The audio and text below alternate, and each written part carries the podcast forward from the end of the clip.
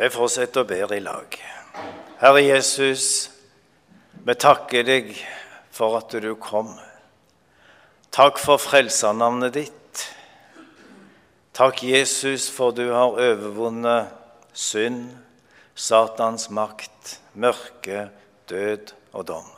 Takk for Golgata-verket som gjelder i dag. Takk for du sitter ved Faderens høyre hånd og ber for oss. Du ser oss, du kjenner oss, du vet hva vi trenger til. Og takk, Jesus, for det at du òg steller i stand plassen vår i de himmelske boliger. Og så vil du hente oss hjem, vi som kjenner deg, når vår tid på jord her er slutt. Vi takker deg for du har samla oss her i formiddag. Takk for det du har møtt oss med allerede, og vi ber at du fortsatt må tale til oss. Amen.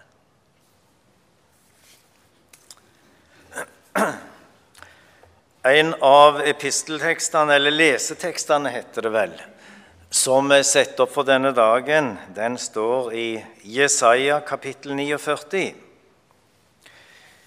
De sju første versene der, og det skal vi lese i lag.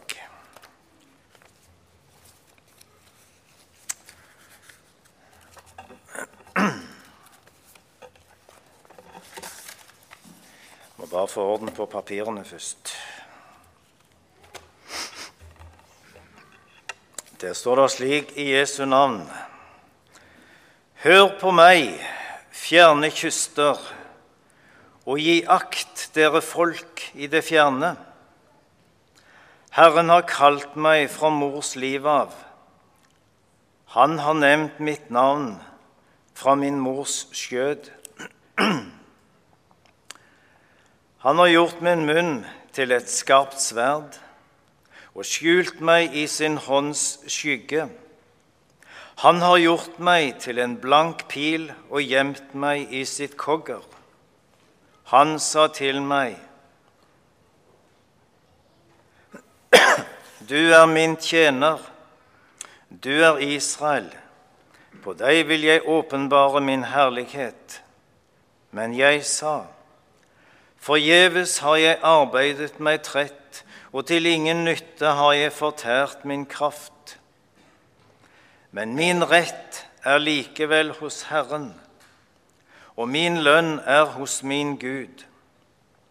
Og nå sier Herren, som fra mors liv har dannet meg til sin tjener, for å føre Jakob tilbake til ham og samle Israel for ham. Og jeg er æret i Herrens øyne, og min Gud er blitt min styrke. Han sier, Det er for lite at du er min tjener til å gjenreise Jakobs stammer og føre den frelste rest av Israel tilbake. Så vil jeg gjøre deg til et lys for hedningefolkene, for at min frelse må nå til jordens ende. Så sier Herren, Israels gjenløser, Israels hellige, til ham som er foraktet av hver sjel, til ham som er avskydd av folkene, ham som er herskerens tjener. Konger skal se det og reise seg, og fyrster skal se det og kaste seg ned for Herrens skyld, som er trofast for Israels hellige skyld, som utvalgte deg. Et avsnitt ifra den lengste profetbok i Det gamle testamentet. Den lengste bok i hele Bibelen, bortsett ifra Salmenes bok. Herrens tjener. Det er en profeti om Messias. Og I de første seks versene vi leste, så er det Messias sjøl som taler. Og fra vers 7 så er det Gud, Herren, som overtar. Messias han gir et vitnesbyrd om seg sjøl. Messias, dette ble jo oppfylt på Jesus seinere. Han sier flere plasser at han er kalt og utvalgt av Herren sjøl til et oppdrag, til å være tjener. Han er utrusta med ordet, leste vi i vers 2. Tjenesten medfører lidelse, står det et par plasser. Og lønn, det er frelse for Israel og for hedningene. Den Jesaja som er forfatter av profetboka, han eh, tjenestegjorde som profet lang, lang tid. Tjenesten hans starta ca. år 740 før Kristus og varte kanskje så lenge som 50-60 år, til år 681 før Kristus. To mannsaldrer. Det var fem konger i Israel det, i Judea på den tid. Og han fikk være til stor hjelp og samtidig til enorm ergrelse for eh, disse kongene, alt etter om de gikk på Herrens vei eller om de gikk på den ugudelige veien. Fra kapittel 40 og utover så starter det som vi gjerne kaller for trøsteboka. Og innledningen til kapittel 40 det står så klart Trøst, trøst mitt folk, sier deres Gud. Tal vennlig til Jerusalem og rop til henne at hennes strid er endt, at hennes skyld er betalt, at hun av Herrens hånd har fått dobbelt for alle sine synder. Det er nok mer enn én en predikant som har tenkt og kanskje til og med sagt nå skal vi lese et godt ord fra evangelisten Jesaja. For dette er evangelium. Trøstens evangelium. Det er håp, det er lys. Det er ikke så håpløst. Det er ikke så mørkt som en kan føle det. Og, og, og bare det som er sagt her Skyld er betalt. Av Herrens hånd har du fått dobbelt for alle dine synder. Herren har altså gitt deg det som skulle til for å betale for dine synder, og så har du fått like mye til å leve på. Nåden, den daglige nåde, videre. Det avsnittet som vi leste, det kalles I min bibel så står det 'den andre sangen om Herrens tjener' om Messias. Og I denne delen av Jesaja-boka er det fire slike sanger. Den første finner du i kapittel 42. Her er vi i kapittel 49. Så er det en tredje sang i kapittel 50. Og den fjerde den starter i slutten av kapittel 52 og hele kapittel 53. Fire sanger om Herrens tjener. Fire mektige profetier om Han som skulle komme. Det er noen fellestrekk. Skal ikke gå inn på det nå, men bare nevne det ganske kort. Tjeneren, han er utvalgt av Herren. Da tales om hedningefolk, om de fjerne kystene om at han skal være et lys for hedningene. Det er altså ikke bare israelsfolket som var Guds utvalgte folk på en spesiell måte i den gamle pakt, i Det gamle testamentet. Men her brytes det en grense. Det var jo det samme, den samme grensen som eh, Abraham fikk se utover da han fikk løfte av Herren om at i deg så skal alle jordens slekter velsignes. Dine etterkommere skal bli så mange som stjernene på himmelen. Du kan bare begynne å telle Abraham. Og hvis Abraham syntes han fikk oversikt over stjernene på himmelen, ja, så fikk han beskjed om å gå ned på sandstranda og begynne å telle sandkoddene der.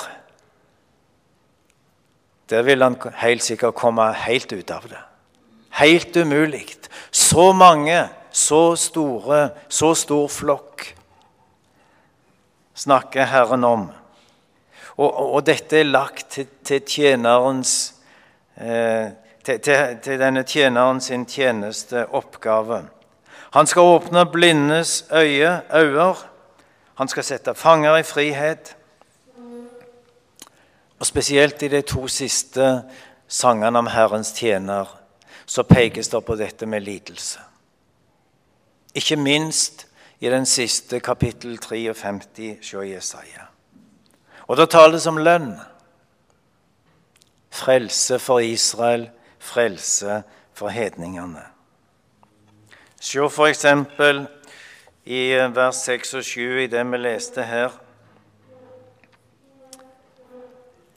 Han sier, altså nå er det Messias igjen som taler, det er for lite at du er min tjener til å gjenreise Jakobs stammer og føre den frelste rest av Israel tilbake. Det var sånn de fleste tenkte. Guds folk er Israel. Hedningene de står utenfor samfunnet og utenfor muligheten.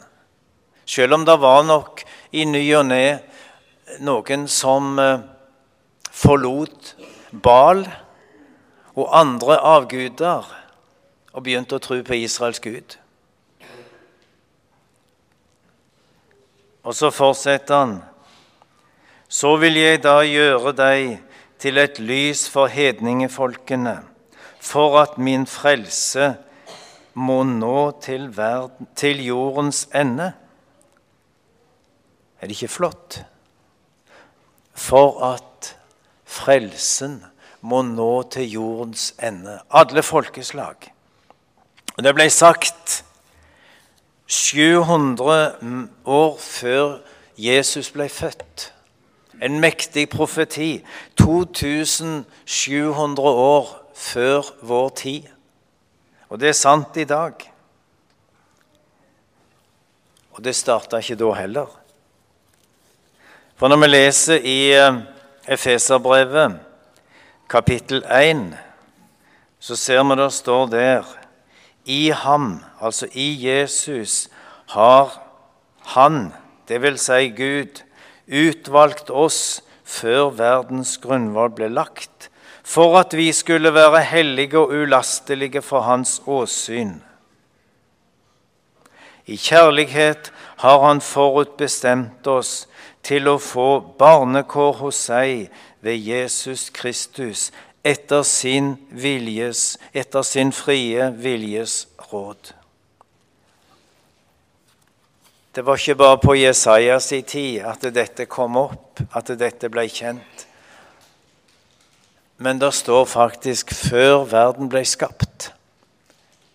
Her greier ikke min tanke følge med men det står i Bibelen, og da er det sant. Det var altså et rådsmøte, om du vil, før verden ble skapt. Det var tre deltakere på det rådsmøtet. Det var Gud far, det var Sønnen og Den hellige ånd. Og så ble det bestemt at Sønnen skulle stige ned som Herrens tjener og gå den veien som han måtte gå for å føre folk skapt i Guds bilde tilbake til Herren. For å åpne den veien til Guds evige rike som ble stengt ved syndefallet ved at folk snudde ryggen til Gud, gjorde opprør. Det ble bestemt. Planlagt da. Det ble varsla gjennom den gamle pakt helt ifra syndefallets dag. Og så ble det oppfylt da tidens fylde kom. Så kom Jesus som Herrens lidende tjener. Det ble planlagt i evigheten, forutsagt og profetert gjennom Det gamle testamentet oppfylt på Jesus, og så gjelder det deg, og så gjelder det meg i dag. Tenk det. Det som Bibelen handler om, det som den forteller om Jesus, det gjelder deg. I dag er jeg og du blant åtte milliarder mennesker på kloden. Med Gud i himmelen, han kjenner deg, han kjenner meg. Han vet hva du trenger. Han vet hva jeg trenger. Han kjenner mitt liv, mine tanker, ord og gjerninger. Det er ingenting som er skjult for han.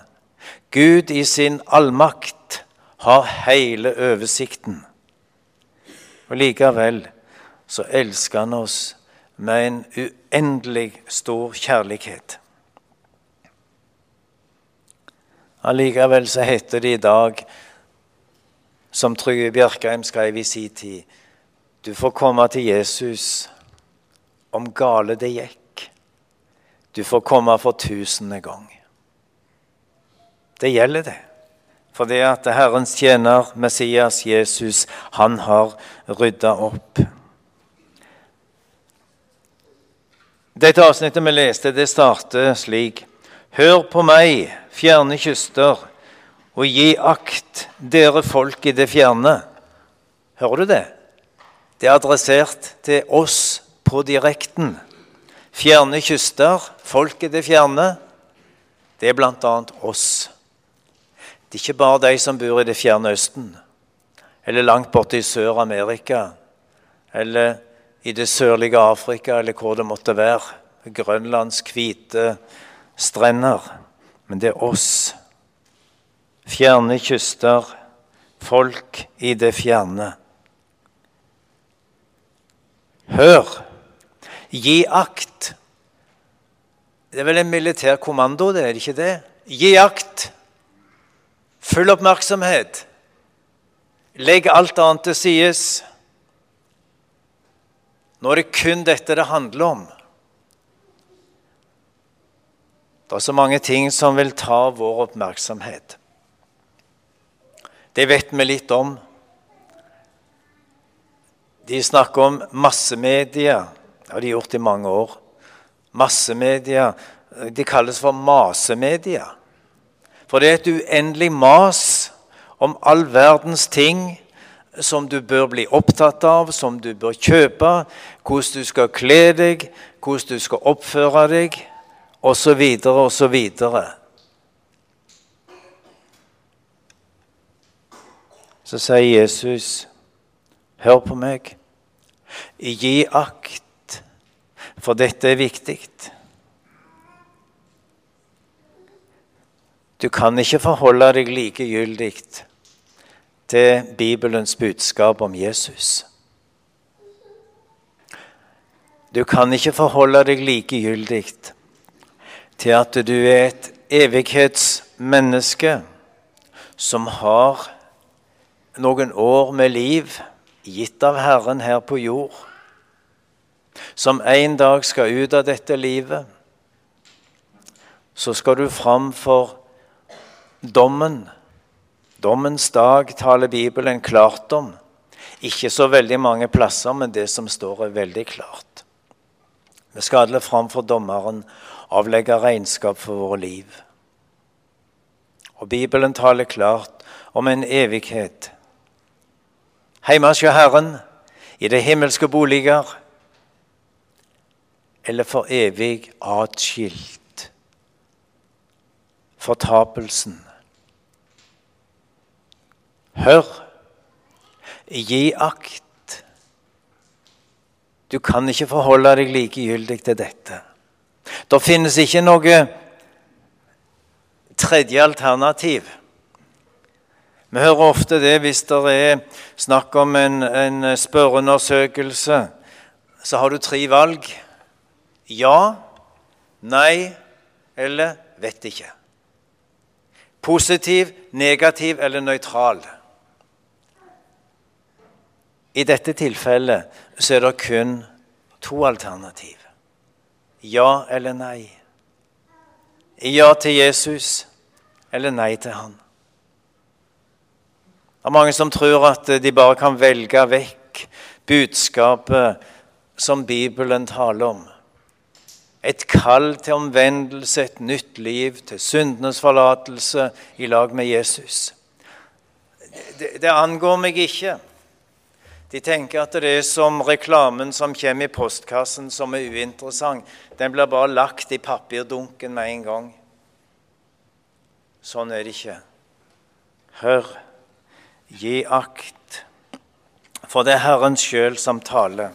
Og vi kan òg ta med et par vers litt lenger ute i Jesaja kapittel 55.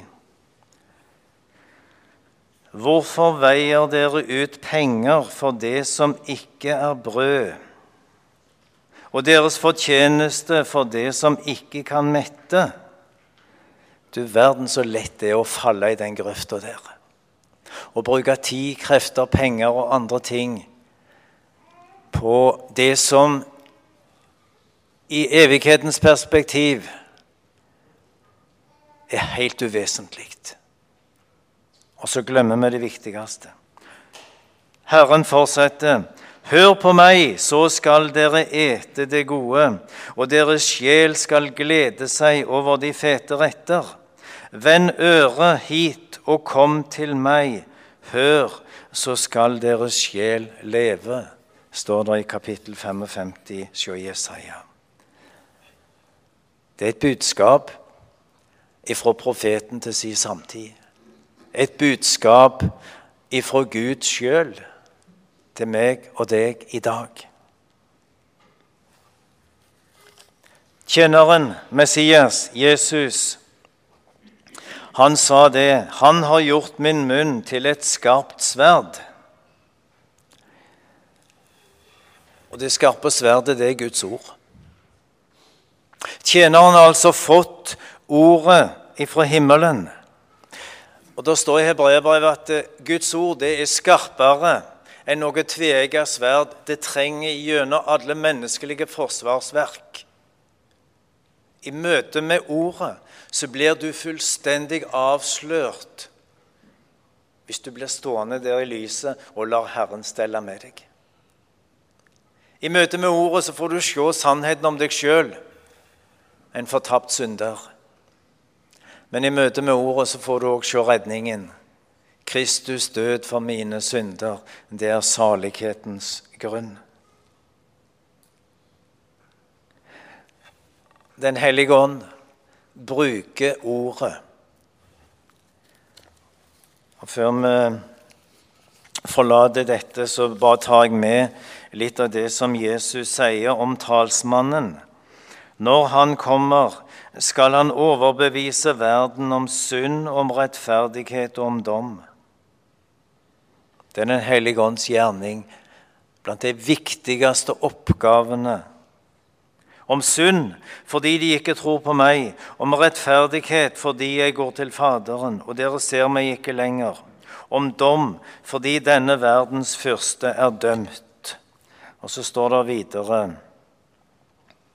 når han kommer sannhetens ånd, skal han veilede dere til hele sannheten. Og ikke minst han skal herliggjøre meg. Guds ånd, Den hellige ånd og Guds ord i virksomhet i dag. Jeg leste et, stykke som en, eh, et lite stykke som en tidligere misjonær fortalte om. Han eh, var i sin tid i Kina. Og de hadde møte i en forsamling i den lokale byen der han bodde. Så kommer det inn en ungdom som er kledd i soldatuniform. Og den ungdommen han har eh, han måtte verve seg til hæren for ikke å bli drept. Og hadde farta rundt med soldater i ca. ti år. Og Så kommer han inn, og så setter han seg på en benk og lytter til det som blir forkynt. Sitter der en times tid. Og når uh, møtet er slutt, så går misjonæren bort for å snakke litt med han. Han var ny, og da vil han jo gjerne bli litt kjent, ta imot, ønske velkommen osv. Er du en kristen? Ja, svarte den unge mannen og strålte mens han sa det. Når ble du det? Mens jeg så og lytta til budskapet her i dag, sa han. Sånn kan det gå.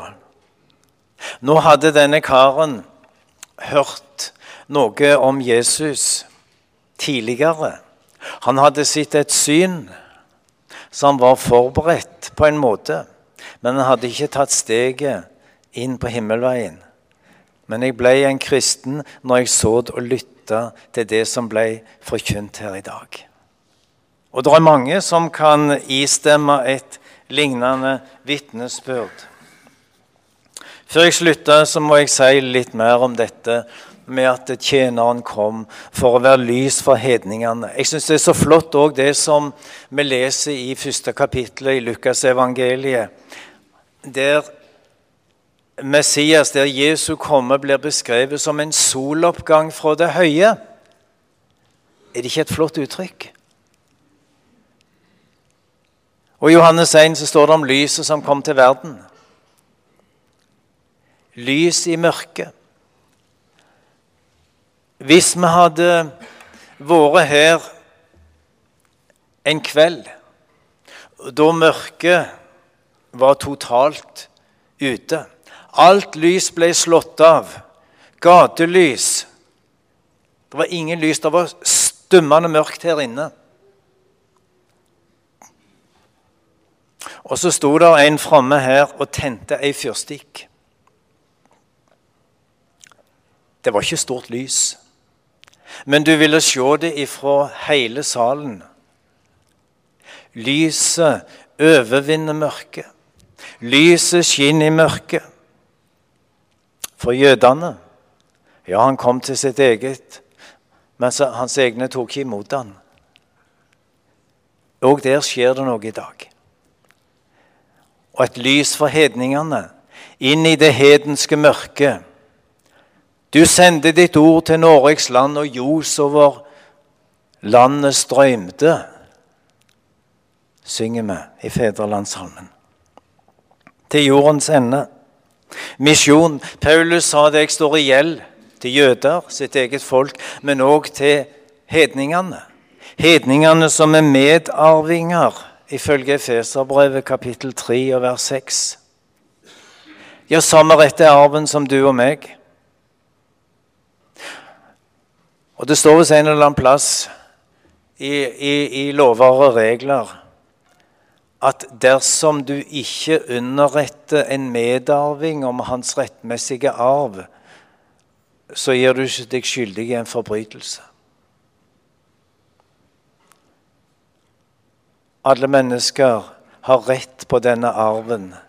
En del i evangeliet, lys ifra evangeliet, det evige liv, syndenes forlatelse.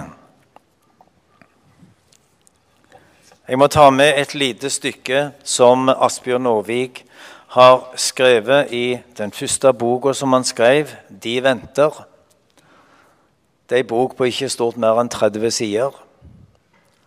Det var den første av de ca. 40 bøkene som han etterlot seg. Den minste og kanskje den viktigste. Og Han forteller det at han kom til en landsby langt inne i det indre Kina skulle ha noen møter i den lille kristenflokken som var der. Og Folket samles, og han bodde privat hos en kristen kineser. Og Så sitter de om kvelden og snakker,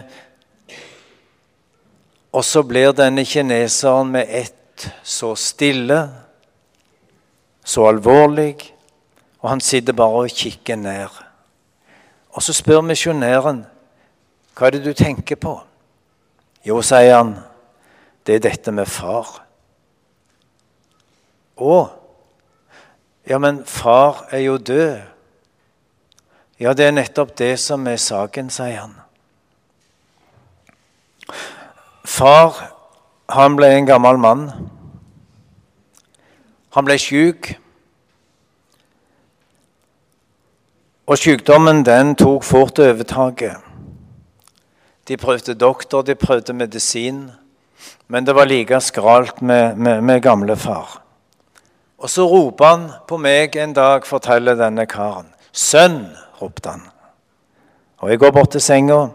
'Sønn, jeg skal dø snart.' 'Å nei, far. Du skal se at du blir snart frisk igjen.' 'Nei', sier far. 'Dette er slutten. Hørte du ikke at ravnen skreik i natt?' Min sønn, jeg er så redd for å dø. Jeg tør ikke dø. Vil du hente av gudspresten? Så for sønnen ned i landsbyen, henta presten. Han hadde med seg noen store, gule papirark og skrev underlige tegn og kruseduller. Han skrev mange ark, for han skulle ha betaling per stykk. Og så mumla han til slutt et eller annet uforståelig over disse papirene, fikk betalingen sin og gikk. Sønnen tok med seg disse papirene, gikk ned i tempelet for å brenne de. Så kneler han for den store guden i midten, slår pannen i gulvet og ber han være nådig mot hans gamle far som nå skal ut på den lange reisen gjennom andre verdener. Så brenner han arka i ei stor urne. Røyken stiger opp under taket og sønnen tror, som alle hans fedre har trodd før han, at røyken stiger inn i den andre verden og vekker åndene. Og røyken blir igjen til gule ark som ligger framfor åndene som hersker på den andre sida. Så har de fått beskjed at det snart kommer det en som de må ta vel imot. Dagen etterpå roper far igjen på sønnen. Han går bort til senga. 'Sønn, det hjalp ikke det med avgudspresten. Jeg er like redd for døden. Hent avguden.' Og så blir avguden henta fra tempelet. Det er en flyttbar sak som har ei transportbåre, en bærestol. De kommer inn på soverommet, far blir støtt opp i senga. Han slår de magre hendene sammen, og så ber han til avguden. Nå skal jeg inn gjennom den svarte døra og ut på den lange reisen. Ingen har vendt tilbake og fortalt hvordan det er bak denne døra. Jeg ber deg, led meg, led meg gjennom alle farlige pass, forbi alle piner og krav i den andre verden, og før meg til sist trygt over brua ved enden av straffens land så skal det aldri mangle røykelse på ditt alter. Og så bar de avguden av jord tilbake til tempelet. Så gikk det to dager igjen. Sønn, ropte far. Sønn, det hjalp ikke, og jeg skal snart dø. Og sønnen han står ved senga til far sin. Han kan ikke hjelpe. Sønn, si meg, er det ikke mer? Nei, nå er det ikke mer. Og så ser han på misjonæren og så sier han, 'Slik døde far'. Det var ikke noe mer. Det var ikke noe håp. Ikke noe lys.